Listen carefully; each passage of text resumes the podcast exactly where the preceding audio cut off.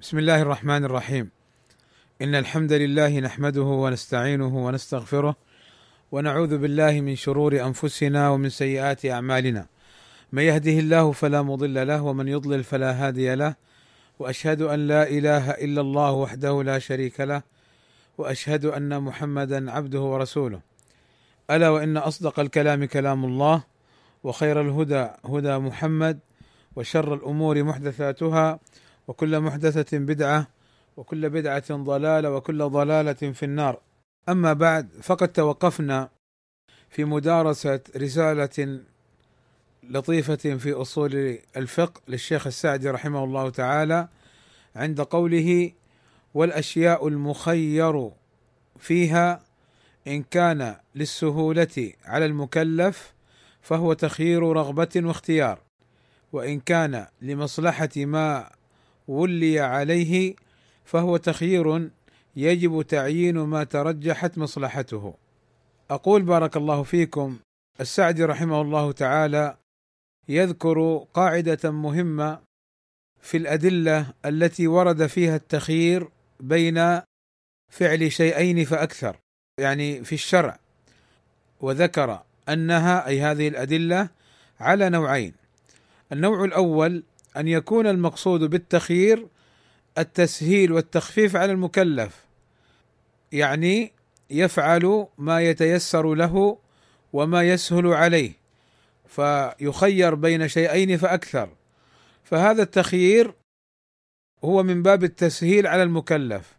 فهنا يختار المكلف من الأمور المخيرة ما يناسبه مثل كفارة اليمين يخير بين الإطعام أو الكسوة أو العتق فإن أطعم لسهولة الإطعام عليه جاز. وإن كسى بلباس لسهولة الكسوة عليه جاز.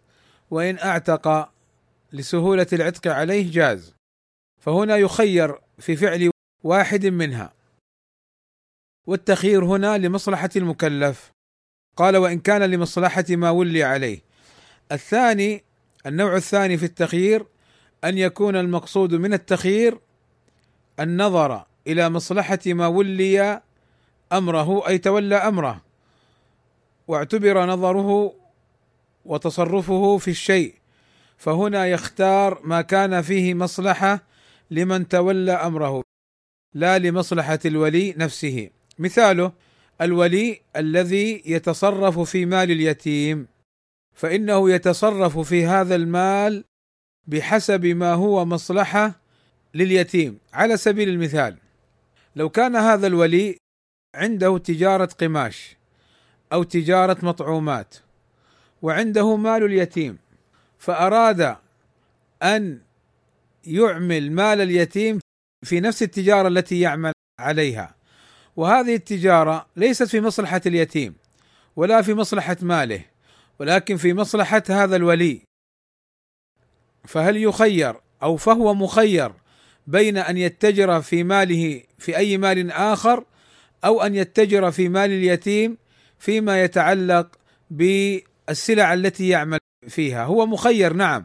ولكن هذا التخيير ينبغي ويجب فيه النظر لمصلحة اليتيم.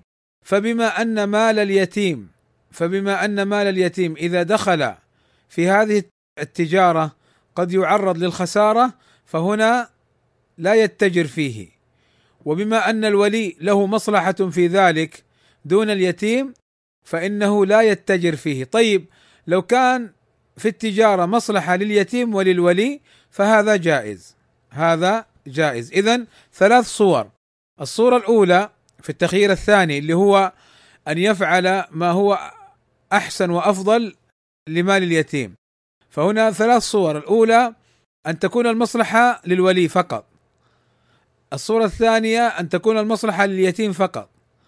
الصورة الثالثة أن تكون المصلحة لهما أي لليتيم وللولي. فالصورة الثانية والثالثة تجوز. لماذا تجوز؟ لأنه فعل ما هو أفضل وأخير لليتيم. والصورة الأولى لا تجوز، لماذا وهو مخير في أن يتجر في مال اليتيم مطلقا؟ نقول هو مخير في أن يتجر في مال اليتيم فيما فيه منفعة لليتيم.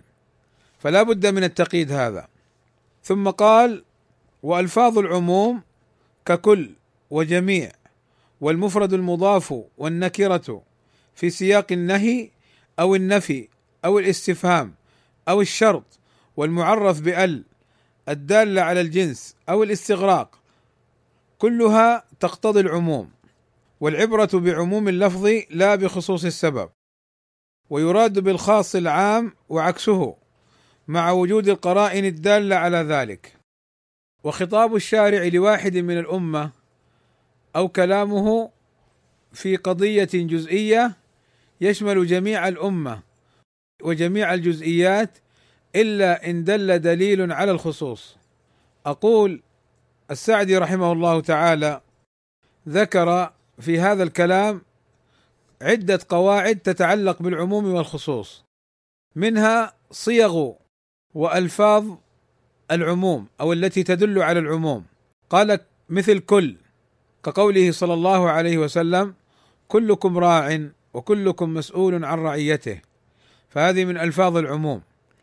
وجميع كقول أنس كان النبي صلى الله عليه وسلم يطوف على جميع نسائه في ليلة بغسل واحد ومنها المفرد المضاف كقوله تعالى وإن تعدوا نعمة الله لا تحصوها فنعمة مفردة وهي مضافة إلى لفظ الجلالة نعمة الله. فيكون المعنى وإن تعدوا كل نعم الله لأنها عامة. والنكرة في سياق النفي أو النهي فالنكره في سياق النهي كقوله ولا تشركوا به شيئا. فهنا نهي وقع على نكره وهي شيء فأفاد العموم.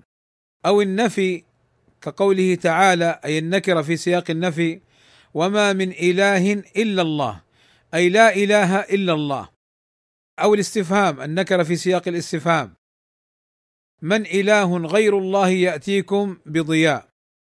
أو الشرط النكره في سياق الشرط تفيد العموم. وإن أحد من المشركين استجارك والمعرف بأل الداله على الجنس كقوله إن البقرة تشابه علينا أو الاستغراق كقوله الحمد لله رب العالمين. فهذه كلها تدل على العموم ودلالتها على العموم يدخل الجميع فيها ولا يجوز إخراج شيء من العموم إلا بدليل.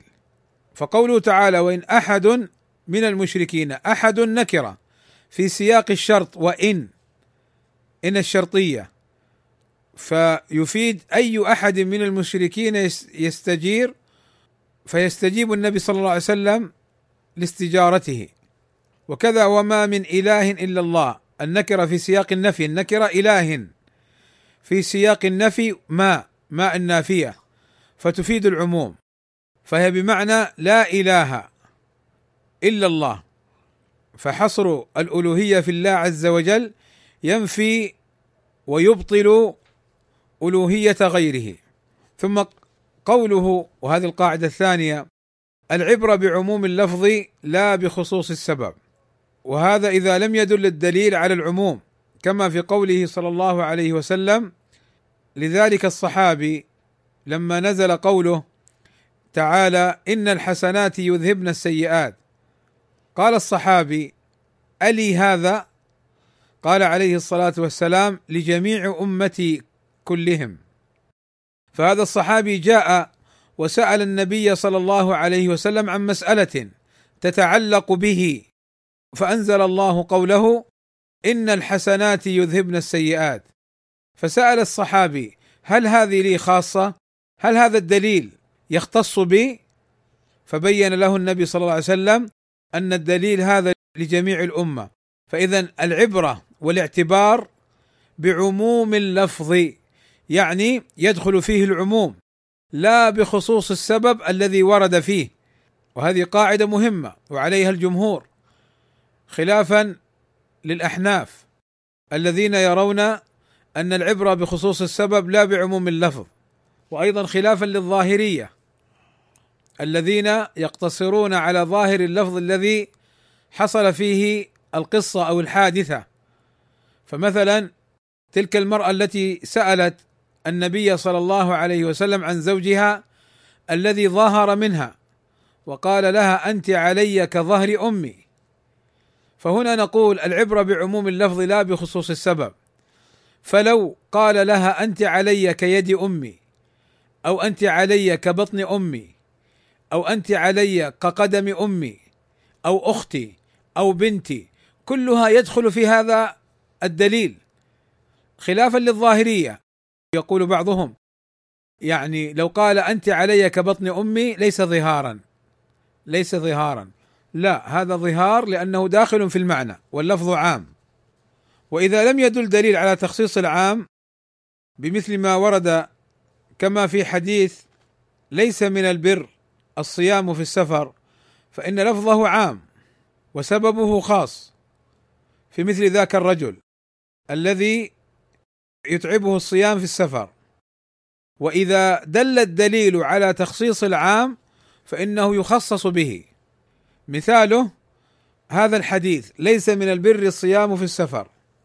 فإن لفظ الحديث عام وكأن المعنى أن الصيام في السفر ليس من الطاعة والبر. ولكن هذا عام مخصوص في مثل حال ذاك الرجل الذي غشي عليه وسقط في الأرض من إرهاقه وتعبه بسبب الصيام. فإذا يكون المعنى ليس من البر الصيام في السفر لمن يتعبه الصيام. وأما الصيام في السفر فكما قال أنس كنا نسافر مع النبي صلى الله عليه وسلم فمنا الصائم ومنا المفطر فلم يعب الصائم على المفطر ولم يعب المفطر على الصائم.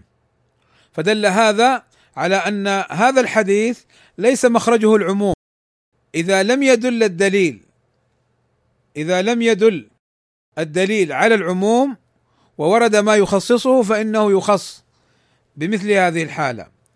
طيب وقوله ويراد بالخاص العام وعكسه مع وجود القرائن الدالة على ذلك أي أن الدليل قد يأتي في صورة خطاب الخاص والمراد به العموم كقوله تعالى يا أيها النبي إذا طلقتم النساء فهنا خطاب للنبي خاصة يا أيها النبي فهذا نداء للنبي صلى الله عليه وسلم. ولكن هل الحكم هذا خاص بالنبي؟ نقول قد يرد الدليل بلفظ الخاص والمراد به العام. فقوله تعالى يا أيها النبي إذا طلقتم النساء فطلقوهن لعدتهن وأحصوا العدة. هذا ليس خاص بالنبي بل لكل الأمة فيكون خاص يراد به العموم. وعكسه أي أنه قد يأتي لفظ العام ويراد به الخصوص. كقوله تعالى ولله على الناس حج البيت. فالناس هنا عام للمستطيع وغيره والمراد به المستطيع. فإذا قد يأتي الخاص ويراد به العموم وقد يأتي اللفظ العام ويراد به الخصوص. طبعا هذا على حسب ما تدل عليه الأدلة وعلى حسب فهم السلف الصالح رضوان الله عليهم. وقوله رحمه الله مع وجود القرائن الدالة على ذلك أي لا يجوز دعوى أن العام خاص أو العكس أن الخاص عام إلا بقرينة. ففي آية الطلاق قوله طلقتم مع السياق يا أيها النبي إذا طلقتم فدل على أن الخطاب عام ولو ورد في صوره الخصوص. مع السياق أي سياق الآيات الآمرة للأمة بامتثال ما ورد فيها. وفي آية الحج من استطاع إليه سبيلا لأن قوله ولله على الناس حج البيت. عام. لكن في نفس الآية قال من استطاع إليه سبيلا. فدل هذا على أن الناس وإن كان في ظاهره العموم إلا أن المراد به الخصوص. ومنها قوله من القواعد وخطاب الشارع لواحد من الأمة أو كلامه في قضية جزئية يشمل جميع الأمة وجميع الجزئيات. إلا إذا دل دليل على الخصوص. أي أن الدليل إذا ورد مخاطبا به بعض الصحابة فإنه يشمل جميع الأمة لأن الخطاب في الأصل للجميع. والرسول صلى الله عليه وسلم بعث للناس كافة. مثاله قال أبو سعيد الخدري رضي الله عنه نهاني رسول الله صلى الله عليه وسلم أن أشرب قائما. وأن أبول مستقبل القبلة. فهذا خطاب خاص لأبي سعيد ولكنه عام. فالخطاب للواحد هو خطاب لجميع الأمة إلا إن دل الدليل على الخصوص. كما في قصة الأضحية لك هذه وليست لغيرك. هذا خصه. لكن مثل حديث أبي سعيد عام. وكذا ما ورد في قضية جزئية يشمل جميع الجزئيات مثل بيعه صلى الله عليه وسلم عن بيع المنابذة والملامسة يشمل جميع صور المنابذة والملامسة. يشمل جميع صور المنابذة والملامسة. وقوله إلا إن دل دليل على الخصوص يعني إن دل دليل على الخصوص صير إليه. مثل قصة أبي بردة حين ضحى بالجذع من المعز فقال له النبي صلى الله عليه وسلم تجزئك ولا تجزئ أحدا بعدك. فهذا دليل على الخصوص. فالأضحية لا يضحى بها بالجذع من المعز. ولكن رخص النبي صلى الله عليه وسلم لأبي بردة خاصة. وقوله وفعله صلى الله عليه وسلم. الأصل فيه أن أمته أسوته في الأحكام. إلا إذا دل دليل على أنه خاص به. هذه مسألة تتعلق في باب أصول الفقه أو في علم أصول الفقه بأفعال النبي صلى الله عليه وسلم ودلالتها على التشريع. هل كل أفعال النبي صلى الله عليه وسلم تدل على التشريع؟ هل يقتدى به صلى الله عليه وسلم في كل شيء؟ بين لنا السعدي رحمه الله تعالى قاعدة هذا الباب. وهي أن الأصل في أفعاله صلى الله عليه وسلم أن الأمة تتأسى تقتدي به عليه الصلاة والسلام في الأحكام إلا إذا دل الدليل على أنه خاص بالنبي صلى الله عليه وسلم وأن أمته لا تدخل في ذلك كنكاحه فوق أربع نساء وكوصاله للصيام باليوم واليومين هذا خاص بالنبي إني لست كهيئتكم. إني أبيت يطعمني ربي ويسقين. فهذا خاص بالنبي صلى الله عليه وسلم. فهذه القاعدة تقرر أن الأصل الاقتداء بالرسول صلى الله عليه وسلم. لأن الجميع مخاطب ومكلف. كقوله صلى الله عليه وسلم أمرني جبريل بالسواك. هذا الأمر حتى يشمل الأمة. فالسواك مرغب ومشروع للأمة. إلا إن دل دليل على خصوصيته بذلك الحكم كمثل الوصال كما سبق الكلام. والمهم أن نعلم أن الأصل التأسي بالنبي صلى الله عليه وسلم والاقتداء به فهو عليه الصلاة والسلام أحق الناس بذلك. وكيف تتأسى الأمة بالجهال أو بأهل الأهواء؟ وكيف يتعصب لفلان أو فلان؟ وكيف يتعصب لفلان وفلان؟ وكيف يقال كل يؤخذ من قوله ويرد إلا الشيخ الفلاني فلا شك أن هذا تعصب مقيت باطل. وكيف يقال لا تقولوا العلماء يصيبون ويخطئون أنتم بذلك تطعنون في العلماء. نقول العلماء ليسوا محطة للقدوة مطلقا بل هم يقتدى بهم فيما وافقوا فيه الحق وأما ما سوى ذلك فليسوا بقدوة ابدا. والعالم يستدل لقوله ولا يستدل بقوله. لكن يهمني الآن أن نعرف أيضا أن فعل النبي صلى الله عليه وسلم الذي فعله على وجه التقرب أما إذا كان على وجه العادات أما إذا فعله صلى الله عليه وسلم على وجه العادة ففعله من باب محبة النبي صلى الله عليه وسلم يثاب على المحبة. ولذلك تأتي مسألة. هل يشرع التعبد في الغار كما كان النبي صلى الله عليه وسلم يتعبد في الغار؟ الجواب لا.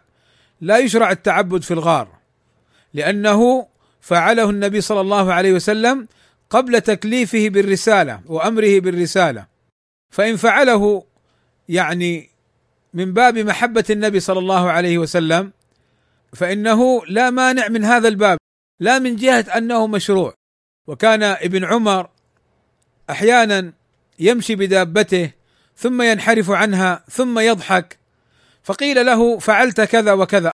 فقيل له لما فعلت هذا؟ الطريق أمامك سالك لماذا انحرفت؟ ولماذا تبسمت؟ قال كنت أسير مع النبي صلى الله عليه وسلم. كنت أسير مع النبي صلى الله عليه وسلم فانحرف كانحرافي ثم تبسم.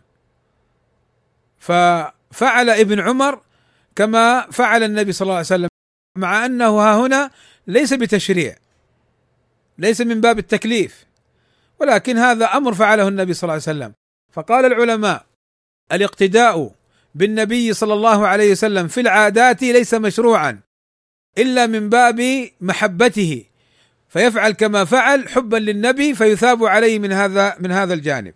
طيب مسألة هل الفعل يدل على الوجوب؟ هل مجرد الفعل يدل على الوجوب؟ قال العلماء آه، فعل النبي صلى الله عليه وسلم المجرد عن القرينة يدل على الاستحباب ولا يدل على الوجوب. خاصة إن فعله تارة وتركه تارة. فإن فعله ولازم فعله دلت مداومته على الفعل عندهم على الوجوب. وإن كان فعله بيانا لأمر واجب فإنه يدل على الوجوب، مثاله صفة الوضوء. هي بيان لأمر الوضوء الوارد في القرآن، وصفة الصلاة هي بيان للأمر بالصلاة وأقيموا الصلاة، فتأخذ حكم الوجوب إلا إن دل الدليل على الاستحباب. فهذه خلاصة قاعدة أفعال النبي صلى الله عليه وسلم. ثم قال المصنف رحمه الله تعالى وإذا نفى الشارع عبادة أو معاملة فهو لفسادها أو نفي بعض ما يلزم فيها.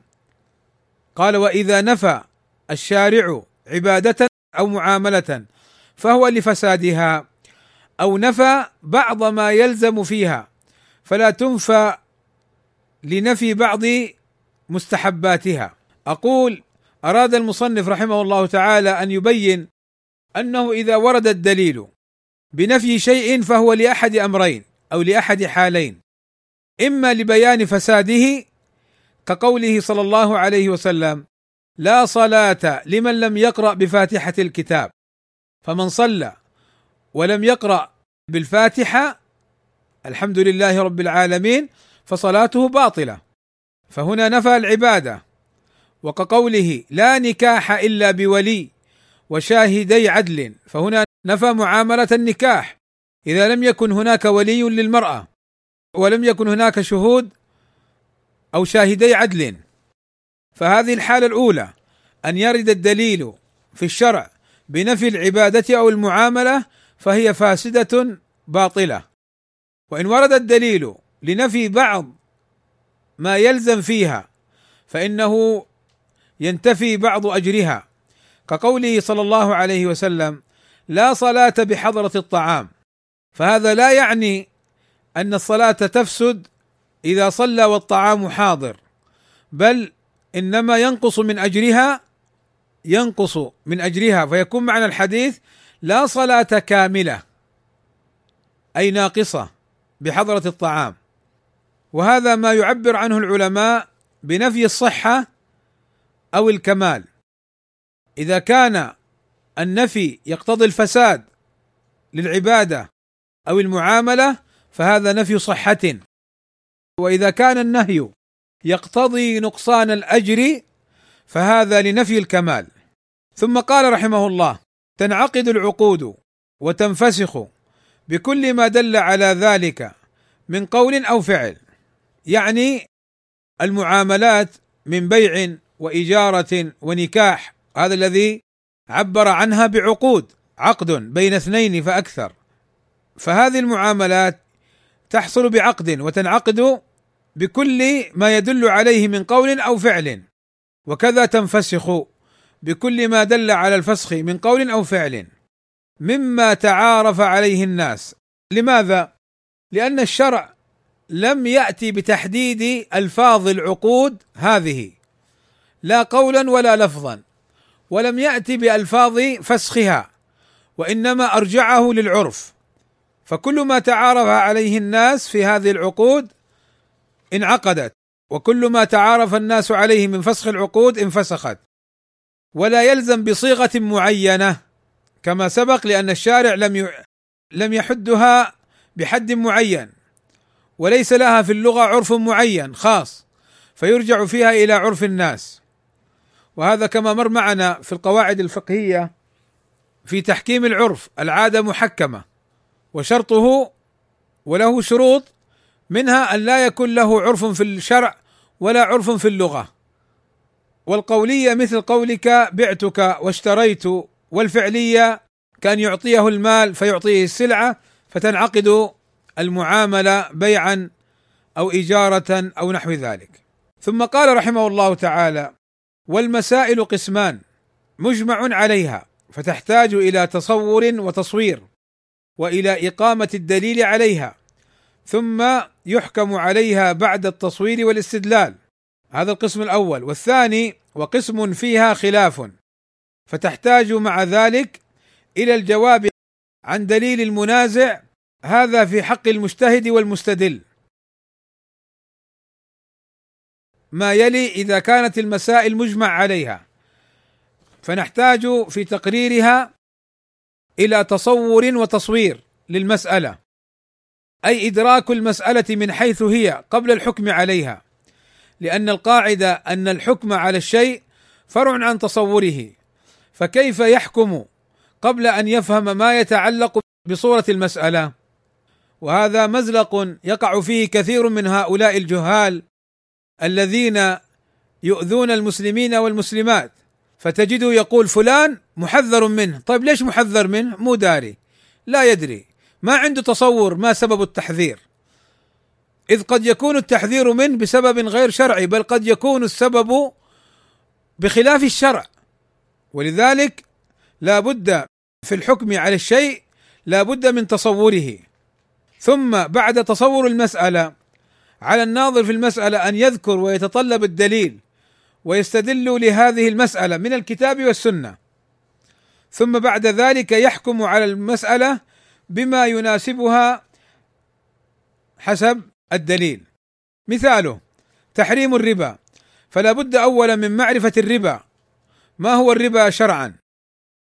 بنوعيه ربا النسيئة أو ربا الفضل. ثم معرفة الأدلة الواردة في ذلك. والاستدلال ثم الحكم على المسألة وهذا كله في المسائل المجمع عليها. وأما المسائل المختلف فيها فتعامل بما سبق بمعنى من التصور والتصوير ثم إقامة الدليل ثم الحكم عليها. بالإضافة إلى ماذا؟ بالإضافة عن الجواب على دليل المنازع.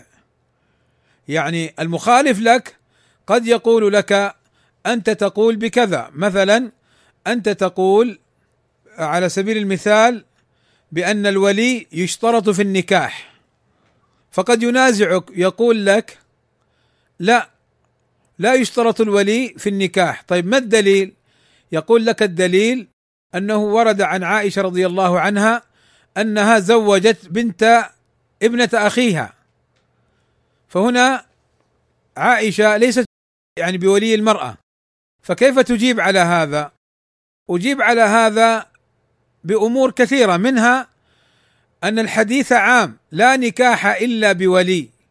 ثانيا ما جاء عن عائشة رضي الله عنها أم المؤمنين قال العلماء هو محمول على أن أخاها وكلها على تزويج ابنته وأن تتولى ذلك. فهي موكلة عن الأصل إلى غير ذلك من الأجوبة. وكذلك طهارة جلد الميتة. قد ينازعك المنازع لما تقول بأن جلد الميتة طاهر. قد ينازعك المنازع بعموم الأدلة التي وردت فيها نجاسة الميتة. فأنت ترد عليه بحديث أيما إهاب دبغ فقد طهر أو كما قال عليه الصلاة والسلام.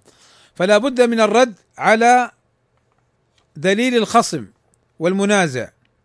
وقوله هذا في حق المجتهد والمستدل أي لا يقوم بهذه الأمور إلا من كانت عنده الأهلية لهذا الأمر.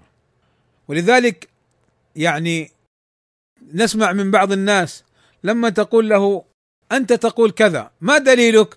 يقول الشيخ فلان يقول كذا. تقول يا أخي الدليل ورد بكذا وكذا وكذا. يقول لا الشيخ يقول كذا. هذا فعل السفهاء هذا فعل الحمقى هذا فعل الجهال الذين يتسلطون على الأدلة الشرعية والمسائل الشرعية. العالم قوله ليس دليلا من حيث هو وإنما يستدل له ولا يستدل به. وإنما إذا قلت في مسألة بخلاف الدليل لا بد أن تورد الدليل الآخر من الكتاب أو السنة وأيضا تناقش الطرف الآخر على أدلته. اذا هذا في حق المجتهد. والإجتهاد لغة بذل الجهد لإدراك أمر شاق. لذلك سمي اجتهاد. ما هو لعبه العلم؟ الدين ما هو لعبه كل يوم يتكلم بمسألة. مره الذيب يتبرى من الدم ومره الدم يتبرى من الذيب ومره الصحابة يقال فيهم كذا وكذا ومرة يعني في بعض المسائل يقال فيها كذا دين ما هو لعبة. يجب إذا تكلمت في مسائل الدين أن تتكلم بعلم. نعم قد يخطئ العالم بعد اجتهاده. أما أن يخطئ بغير علم وبغير اجتهاد فهو آثم بالإجماع كما حكاه شيخ الإسلام ابن تيمية وغيره من أهل العلم. ولذلك الاجتهاد اصطلاحا هو بذل الجهد لإدراك حكم شرعي. واحد جاهل ما عنده علم ما يعرف الميزان صفة من صفات الرحمن ولا الميزان ليس بصفة. ف يعني كما نقول عندنا يقول العامه شختر بختر يعني انت وحظك. الدين ما هو لعبة. الدين ما هو حلاقة تتعلمها على رؤوس الناس. الدين دين الله. ينبغي أن يتكلم فيه الإنسان بعلم وتقوى. ولذلك هذه المسألة أو هذا الباب يهدم يهدم في نظري منهج تلك العصابة التي كانت في المدينة. لو كان السلفيون يعرفون أحوالهم بمعنى أنا السلفي وأنت السلفي يجب أن نعرف أن العلم ينبغي أن يؤخذ من أهله من العلماء وممن عنده الدليل من طلبة العلم. وأما الجهال والمتعالمون وأنصاف المتعالمين والسفهاء والمجرمين. هؤلاء ليسوا محل لأخذ العلم وليسوا محلا للرجوع إليهم. ولو كانوا بواب العلماء خادم العالم ولو كان سائق العالم ولو كان ممن حول العالم ولو اعتبره بعض العلماء من ثقاته وهو مجروح أو مجهول أو أنه رجيع جماعات. ليسوا محطة لأخذ العلم. والله لو ادرك كل سلفي هذا الأمر لما حصلت كثير من الفتن. ولكن رجعوا لهؤلاء الجهال وجعلوهم محطة لأخذ العلم ظنا منهم أنهم علماء وأنهم يرجع إليهم فضلوا وأضلوا. ضلوا أنفسهم وأضلوا غيرهم. إن الله لا يقبض العلم انتزاعا ينتزعه من صدور العلماء ولكن يقبض العلم بقبض العلماء. حتى إذا لم يبق عالما اتخذ الناس رؤوسا جهالا. الرؤوس الجهال هم هؤلاء مثل العصابة التي أفسدت في الأرض والتي يعلمها كل سلفي. هؤلاء الرؤوس الجهال. لو كان صاحب دكتوراه ولو كان صاحب مؤلفات فالعلم لا بد فيه من شرطين. العلم والتقوى. التقوى التي تجعله يتكلم بديانة وعلم وأمانة. والله بعض هؤلاء يجرح السلفي وهو يعرف أنه سلفي. ما عنده تقوى من الله عز وجل. وبعض هؤلاء يعرف أنه جاهل ولكن يتسلط نصرة لفلان وفلان. بل بعضهم يقول أعرف أن الشيخ الفلاني على حق ولكن هؤلاء جماعتي ما أستطيع أتراجع عنها. ولذلك لا بد في العلم من تقوى. انتبهوا. لا تغتروا بأن فلان زكاه فلان. إذا أفعاله وأقواله ما تزكيه ما ينفع. لا تغتروا فلان ممن يقول الشيخ الفلاني يبلغكم سلامه. مناقص إلا يتصور واتساب أو باليوتيوب ويحرك يده يقول أنا أبلغ عن الشيخ ونضع تحته انظروا إلى البابوات السلفيين. ظنوا هؤلاء أنهم بذلك لهم الأحقية في التكلم في الدين ومسائل العلم. وظن بعض السلفيين أن هؤلاء مرجع. هل أنت سلفي؟ هل أنت سلفي تقيم دينك وتتبع في سنة النبي صلى الله عليه وسلم الأدلة الشرعية الدالة على وجوب الرجوع إلى العلماء وإلى من كان عنده علم لا إلى السفهاء والجهال بل حذرت الأدلة من ذلك؟ فلذلك بارك الله فيكم. نرجع مرة أخرى لكلام السعدي. إن هذه القاعدة والله لو طبقناها في نظري لسلم السلفيون في الأعم الغالب من كثير من الفتن. ثم قال رحمه الله تعالى وأما المقلد فوظيفته السؤال لأهل العلم والتقليد قبول قول الغير من غير دليل. شوف ما دليلك؟ الشيخ فلان قال كذا الشيخ ربيع قال كذا الشيخ عبيد قال كذا. تقول له يا أخي الدليل يدل على كذا كذا كذا.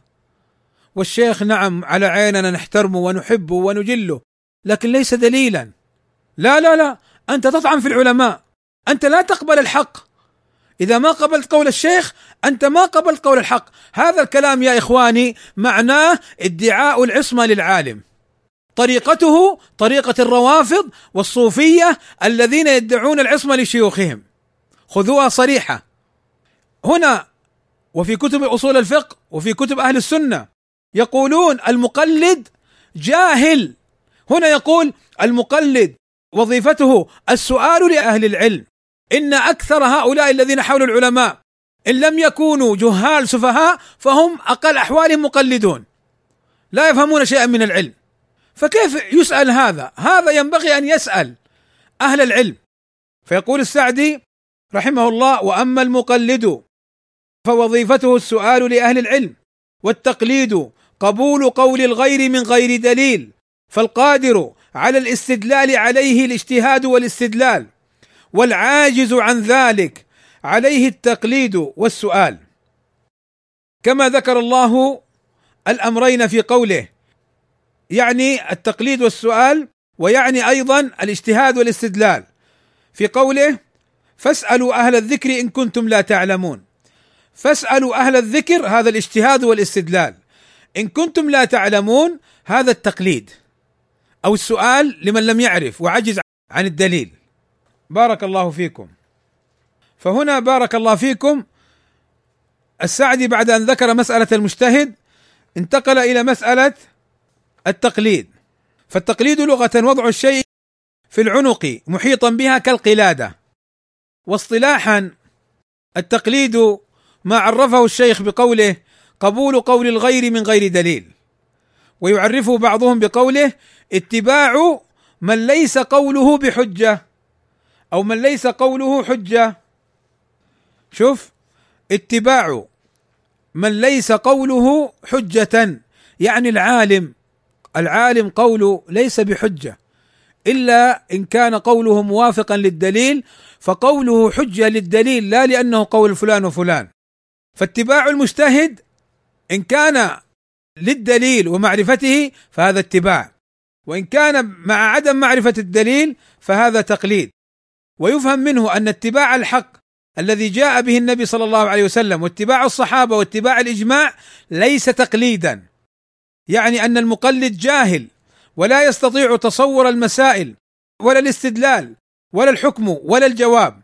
ثم بين الشيخ أن من كانت عنده أهلية الوصول للحكم والاستدلال فلا يسعه إلا الاجتهاد والاستدلال. أقول بارك الله فيكم أعيد مرة أخرى. الشيخ بين أن من كانت عنده أهلية الوصول للحكم والاستدلال فلا يسعه إلا الاجتهاد والاستدلال وأن العاجز عن الاجتهاد والاستدلال عليه الرجوع للعلماء وأخذ فتواهم. واستدل بالآية وهي ظاهرة للدلالة على ما قرره الشيخ رحمه الله تعالى. أقول بارك الله فيكم أقول بارك الله فيكم هذه المسألة أيضا من المسائل المهمة والتي أخطأ فيها كثير من السلفيين. والتي أخطأ فيها كثير من السلفيين. أقول بل ويتلاعب فيها بعض السلفيين. كيف؟ اولا خلينا نقف مع القاعدة التي قررها السعدي رحمه الله تعالى. السعدي رحمه الله تعالى يقرر لنا أنك أيها السلفي إن جاءتك المسألة طبعا العالم وطالب العلم إن جاءتهم المسألة يجب عليهم أن يجتهدوا وأن يستدلوا وأن يبحثوا عن الدليل وأن لا يعلقوا الدليل بالاشخاص فلا يسعهم لا يجوز لهم التقليد مع القدرة على الوصول للدليل لأننا شرعا مأمورون بالعمل بالدليل. فإن لم نستطع ننتقل للحالة الثانية. أن نعجز عن الاجتهاد. ما عندنا أدلة ما قدرنا بحثنا لم نجد. فحينها نسأل العلماء ونرجع إليهم. هذه القاعدة تلاعب بعض هؤلاء تلاعب بعض هؤلاء بالقاعدة. له صور. من الصور أنهم يأتون للإنسان الذي لم تكتمل أهليته في العلم ويخطئ كثيرا فيقولون أخطأ اجتهد فأخطأ نقول لا هذه القاعدة لا تطبق معه لأنه إذا اجتهد ينبغي أن يكون أصلا عنده القدرة على الاجتهاد والأهلية. أما وهو جاهل ويجتهد فهذا إثم وذنب وليس بطاعة ولا يدخل في حديث إذا أصاب له أجران وإذا أخطأ له أجر. هذا التلاعب الأول. وأما التلاعب الثاني فبعضهم يفهم المسألة ويفهم الدليل ومع ذلك يدافع عن قول العالم الخطأ. مثاله وقع نزاع في مطعم اسمه سند شهباز. وسند شهباز هذا هذه التسمية قيل إنه اسم إله يعبد وقيل اسم ضريح يعبد وقيل رمز يعبد من دون الله. عند الهنود والباكستانيين. فبعضهم فتح مطعم بهذا الاسم فتكالب عليه هؤلاء من هذا الجنس. فلما سئل العلماء قالوا لا يجوز تسمية هذا المطعم بهذا الاسم لأنه اسم إله يعبد من دون الله أو اسم ضريح. بعض المشايخ سئل فقال يجوز لا مانع من ذلك. طبعا العالم هذا أو طالب العلم أخطأ. فلما تنكر على هؤلاء. تجويزهم هذه التسمية. يقول لك الشيخ الفلاني قال كذا. يا أخي هذا اسم اسم صنم أو اسم قبر يعبد من دون الله هل يجوز هذا؟ ما يجوز. يقول نعم أعرف لكن الشيخ جوز. فهنا يتلاعب. فيجعل خطأ الشيخ حجة لتمرير باطله. مثال آخر. العلماء ليسوا بأمراء. يرجع إليهم كالحكام. أخطأ بعض العلماء فقال يجوز أن يرجع إليهم كالحكام. هذا خطأ من جهة لزوم قولهم كالحاكم الشرعي. فبعضهم يستدل بقول فلان أو فلان على أنه يجوز التأمير. نقول لا خطأ. هذا خلاف الأدلة الوارده على ذلك. أيضا على سبيل المثال من المسائل التي أخطأ فيها بعض المشايخ كما سبق معنا مسألة أن النبي صلى الله عليه وسلم يحب لذاته وأن هذه المسألة شركية. فقال بعض المشايخ يجوز وأنه لا يدخل في الشرك هذا خطأ. فهذا قول كما قال العلماء شركي قال ابن تيمية وغيره. ومن تناقضهم أنهم مرة يستدلون مثلا بقول الشيخ ربيع في مسألة بخلاف الشيخ عبيد وبقول الشيخ عبيد في مسألة بخلاف الشيخ ربيع. فتجدهم مثلا في مسألة سند شهباز يقدمون في مسألة سند شهباز يقدمون قول الشيخ عبيد الذي جوزه ويردون قول الشيخ ربيع الذي حرمه وقول الشيخ ربيع هو الحق. وفي مسألة أخرى يقدمون فيها قول الشيخ ربيع ويردون فيها قول الشيخ عبيد مع أنه قول الشيخ عبيد هو الحق في هذه المسألة. فما لهم قاعدة ولا ميزان إلا الجهل والهوى. وهذا لا شك أنه من التناقض. فلا يقال احترام ولا محبة لأجل ذلك يعظمون المشايخ.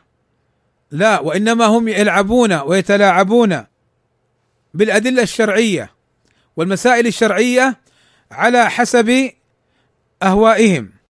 فإذا بارك الله فيكم. كما سبق مرة يقدمون كلام الشيخ عبيد على كلام الشيخ ربيع في مقابل الشيخ ربيع. ومرة يقدمون كلام الشيخ ربيع في مقابل الشيخ عبيد. طيب إذا أنتم تقولون نحن نرجع للعلماء فبأي قاعدة مرة قدمتم الشيخ عبيد ومرة قدمتم الشيخ ربيع؟ وبأي قاعدة مرة أخرتم الشيخ عبيد ومرة أخرتم الشيخ ربيع؟ إلا الهوى والجهل. ولذلك تراهم وتجدهم يتناقضون ويردون الحق. الشيخ خالد عبد الرحمن المصري حفظه الله تعالى. لما رد خطأ الشيخ ربيع في مسألة التأمير وفي بعض مسائل ولاة الأمر قاموا وأقاموا عليه الدنيا وسبوه وشتموه وما أبقوا كلمة سفيهة في أنفسهم إلا قالوها. مع أن الحق مع الشيخ خالد. قد يقول قائل يا فلان شيخ ربيع كذا يفخمه مع الشيخ خالد؟ فقل يا أخي أنت تعظم الأشخاص ولا تعظم الدليل؟ إن كنت تعظم الأشخاص فأنت على باطل. وإن كنت تعظم الدليل فالدليل مع الشيخ خالد في هذه المسألة. يا إخواني هذا كله لعب وتلاعب.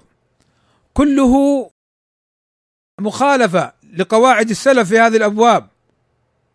حتى بعضهم يعني يقول نحن نعرف أنه الحق مع الشيخ خالد ولكن من باب الحب والاحترام للشيخ ربيع يعني نقدم كلامه. لا يا أخي الحب والاحترام للدليل. ابن رجب الحنبلي رحمه الله تعالى يقول كلام عظيم في هذه المسألة. ثم أنت إذا عندك احترام وتقدير إذا ما قدرت الدليل واحترمت الدليل فاحترامك للعالم ليس بشيء. لأن الدليل أولى بالاحترام. ابن رجب الحنبلي له كلام في هذه المسألة. يقول طبعا كلامه في خطأ العالم الذي اجتهد فأخطأ. لا كلامه في الجهال وليس كلامه في أهل الأهواء إنما كلامه في العلماء الذين اجتهدوا وأخطأوا في هذا الباب. يقول إذا أخطأ العالم وقال قولا بخلاف الدليل فنحن نقدم الدليل على قول العالم. نعم العالم حبيب إلى أنفسنا ومعظم عندنا ولكن الحق أحب إلينا وأعظم عندنا منه. هذا كلام العلماء. أما كلام السفهاء الذين يردون الحق لقول فلان وفلان هذا ما يصلح. هذا تلاعب بالحق. وتلاعب بالدليل. هل أنت سلفي؟ حين تقدم قول فلان لمحبته واحترامه وتؤخر الدليل مع علمك به هل أنت سلفي حين تعلق الحق بالأشخاص؟ ولذلك إخواني بارك الله فيكم هذه المسألة التي ذكرها السعدي رحمه الله تعالى مسألة مهمة ونختم بها الكلام بل ونختم بها الكتاب والدرس بفضل الله عز وجل ومنته أعاننا على الانتهاء من هذه الرسالة اللطيفة حيث قال المصنف رحمه الله تعالى والله أعلم وصلى الله على محمد رسول الله وعلى آله وصحبه وسلم. لكن إخواني أريد أن أتكلم أيضا بمسألة إن شاء الله أختم بها أيضا كلامي ولا أطيل فيها. إخواني لنكن صريحين ولنكن واضحين. ولنكن سلفيين صادقين لا لعابين ولا عندنا حمية لفلان وفلان ولا محسوبية لفلان وفلان. السعدي قرر لنا فيما سبق أن المجتهد لابد أن تكون عنده أهلية والمسألة التي أريد أن أقولها وأنا أجزم بها إن بعض من يطلق عليه من العلماء الأكابر والله ما عنده أهلية العلم. كيف؟ ماذا تريد أن تقول؟ أقول هو كبير في السن فقط. وتكلم بكلام العلماء فقيل إنه من الأكابر ولكن والله ما هو من الأكابر. ولا أدل على هذا من تخبطاته في مسائل إما في أصول العقيدة وإما في مسائل واضحات في الفقه وغيرها. يتخبط فيها. وللأسف نجد خاصة إخواننا في أوروبا وفرنسا وفي غيرها يأتي شخص طفل في العلم متطفل صغير في العلم ولا يعرف شيئا من العلم طول النهار مهتم بثوبه وعمامته ويتزين وكأنه امرأة أمام المرآة. نعرفهم والله ممن هو حول بعض المشايخ. ثم يأتون السلفيين سماحة الوالد ما قولك في كذا؟ وهذا للأسف الذي هو أجهل من حمار أهله. نعم فيها كذا وكذا وكذا. كما يقول العامة عندنا يكذب الكذب ويصدقها. تظاهر بأنه مع المشايخ وأنه كذا ثم يعامل بأنه سماحة الوالد. يا إخواني إن الرجوع لهؤلاء الجهال أو أنصاف المتعلمين أو الذين هم ليسوا بعلماء سبب كبير للفرقة والاختلاف ولتمزيق الصف السلفي ولعدم وحدة كلمة السلفيين. ولضرب السلفية. يا إخواني العلم ما هو بالمحسوبية. الشيخ ربيع أنا أضرب لكم مثال. الشيخ ربيع الله يحفظه. في مجموع الفتاوى والكتب والرسائل لا أذكر الآن الجزء التاسع أو الحادي عشر. قال في أثناء كلامه عن صاحب الفتن هذا السوري الذي فتن كثيرا من الناس. عدنان عرعور. الشيخ ربيع أثنى عليه ثم رد عليه الشيخ ربيع. فقيل له أنت أثنيت عليه سابقا والآن ترد عليه بهذا الرد يعني يبين أن عنده ضلالات. فقالوا له كيف أثنيت عليه سابقا؟ فماذا قال الشيخ ربيع؟ قال الشيخ ربيع أنا ما كنت أعرفه ولكن رأيت الناس يمدحونه ويثنون عليه فظننت أنه عالم وأنه يعني ممن يرجع إليه. ثم تبين لي أنه على ضلالة أو كلام نحوه. هذا مين اللي يقول هذا الكلام؟ الشيخ ربيع إمام الجرح والتعديل.